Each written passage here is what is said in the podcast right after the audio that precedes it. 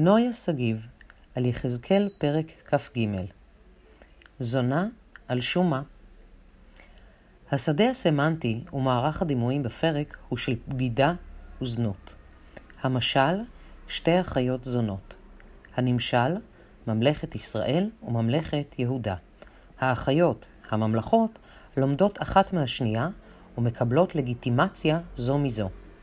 מאפיין נוסף הוא כי הן מאוד אקטיביות, הן העוקבות אחר המאהבים, הן הפעילות בזנותן, הן המגלות ערוותן. אני עוזבת לרגע את האמירה על ממלכות יהודה וישראל ומתמקדת במשל. המשל מבטא תפיסה חברתית של הזנות ושל מערכות היחסים בין גברים לנשים. על שום מה זוכרות האחיות לכינוי זונות? על שום הבגידה באל. יען שכחת אותי. זה כל חטאה של האישה. בגידה בבעלה, ומשם זונה, מושפלת, מעונה, מוכה, מותרת לכל איש. זונה, על פי הגדרה הלכתית, היא כל אישה שקיימה יחסים ולא עם בעלה. אבל לא תשכנעו אותי שלכך הכוונה בסיפורי המקרא. גם הנשים הזונות בסיפור משפט שלמה, גם רחב הזונה, גם האישה איתה שכב שמשון, כולם זונות במובן המודרני. יש כאן ראייה קיצונית לא רק של האישה הזונה השורדת בשוליים, אלא של יחסי גברים ונשים נורמטיביים. הבוגדת בבעלה מיד זוכה לכינוי זונה, ומכאן הדרך קצרה לחילול גופה וכבודה של האישה, שהרי היא זונה. בואו נדבר רגע על זנות. זונה זה לא דימוי, זו אישה שנקלעה למצב הישרדותי נורא. זה לא מסמן בשפה ולא כינוי גנאי. השימוש ברטוריקה של משל ונמשל מחפיצה את הנשים בצורה הנוראה ביותר, לא פחות מהלקוחות. ומעבר לרטוריקה, על המציאות המשתקפת מהטקסט, כאילו הזנות היא בחירה, לא מצב כורח של אישה שנאלצת למכור גופה על מנת לשרוד. היא המפתה, היא האקטיבית, היא רוצה את זה.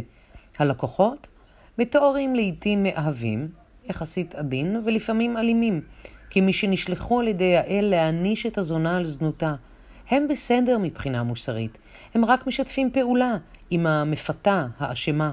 זה ביטוי לתפיסה חברתית עמוקה שנותנת לגיטימציה לגבר השוכב עם האישה ומאשימה את האישה בהיותה זונה. במדרש תנחומה לסיפור דינה, בתם של יעקב ולאה בראשית ל"ד, במהלך הפרק מתואר אונס שעברה דינה ועל התמודדות המשפחה. מדוע נאנסה?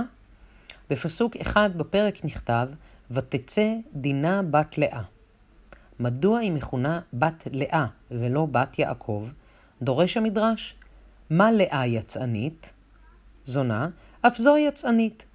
ותצא לאה לקראתו, כאימה ויתה.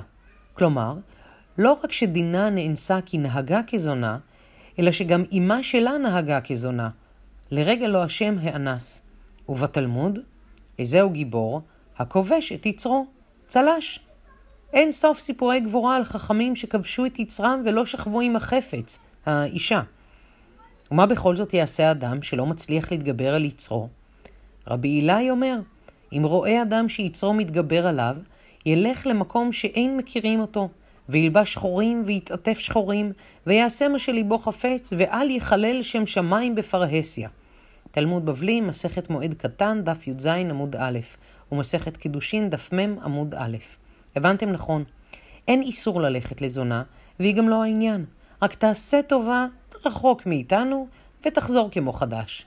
צר לי, יחזקאל, אני אוהדת גדולה שלך, אבל בפרק הזה פישלת.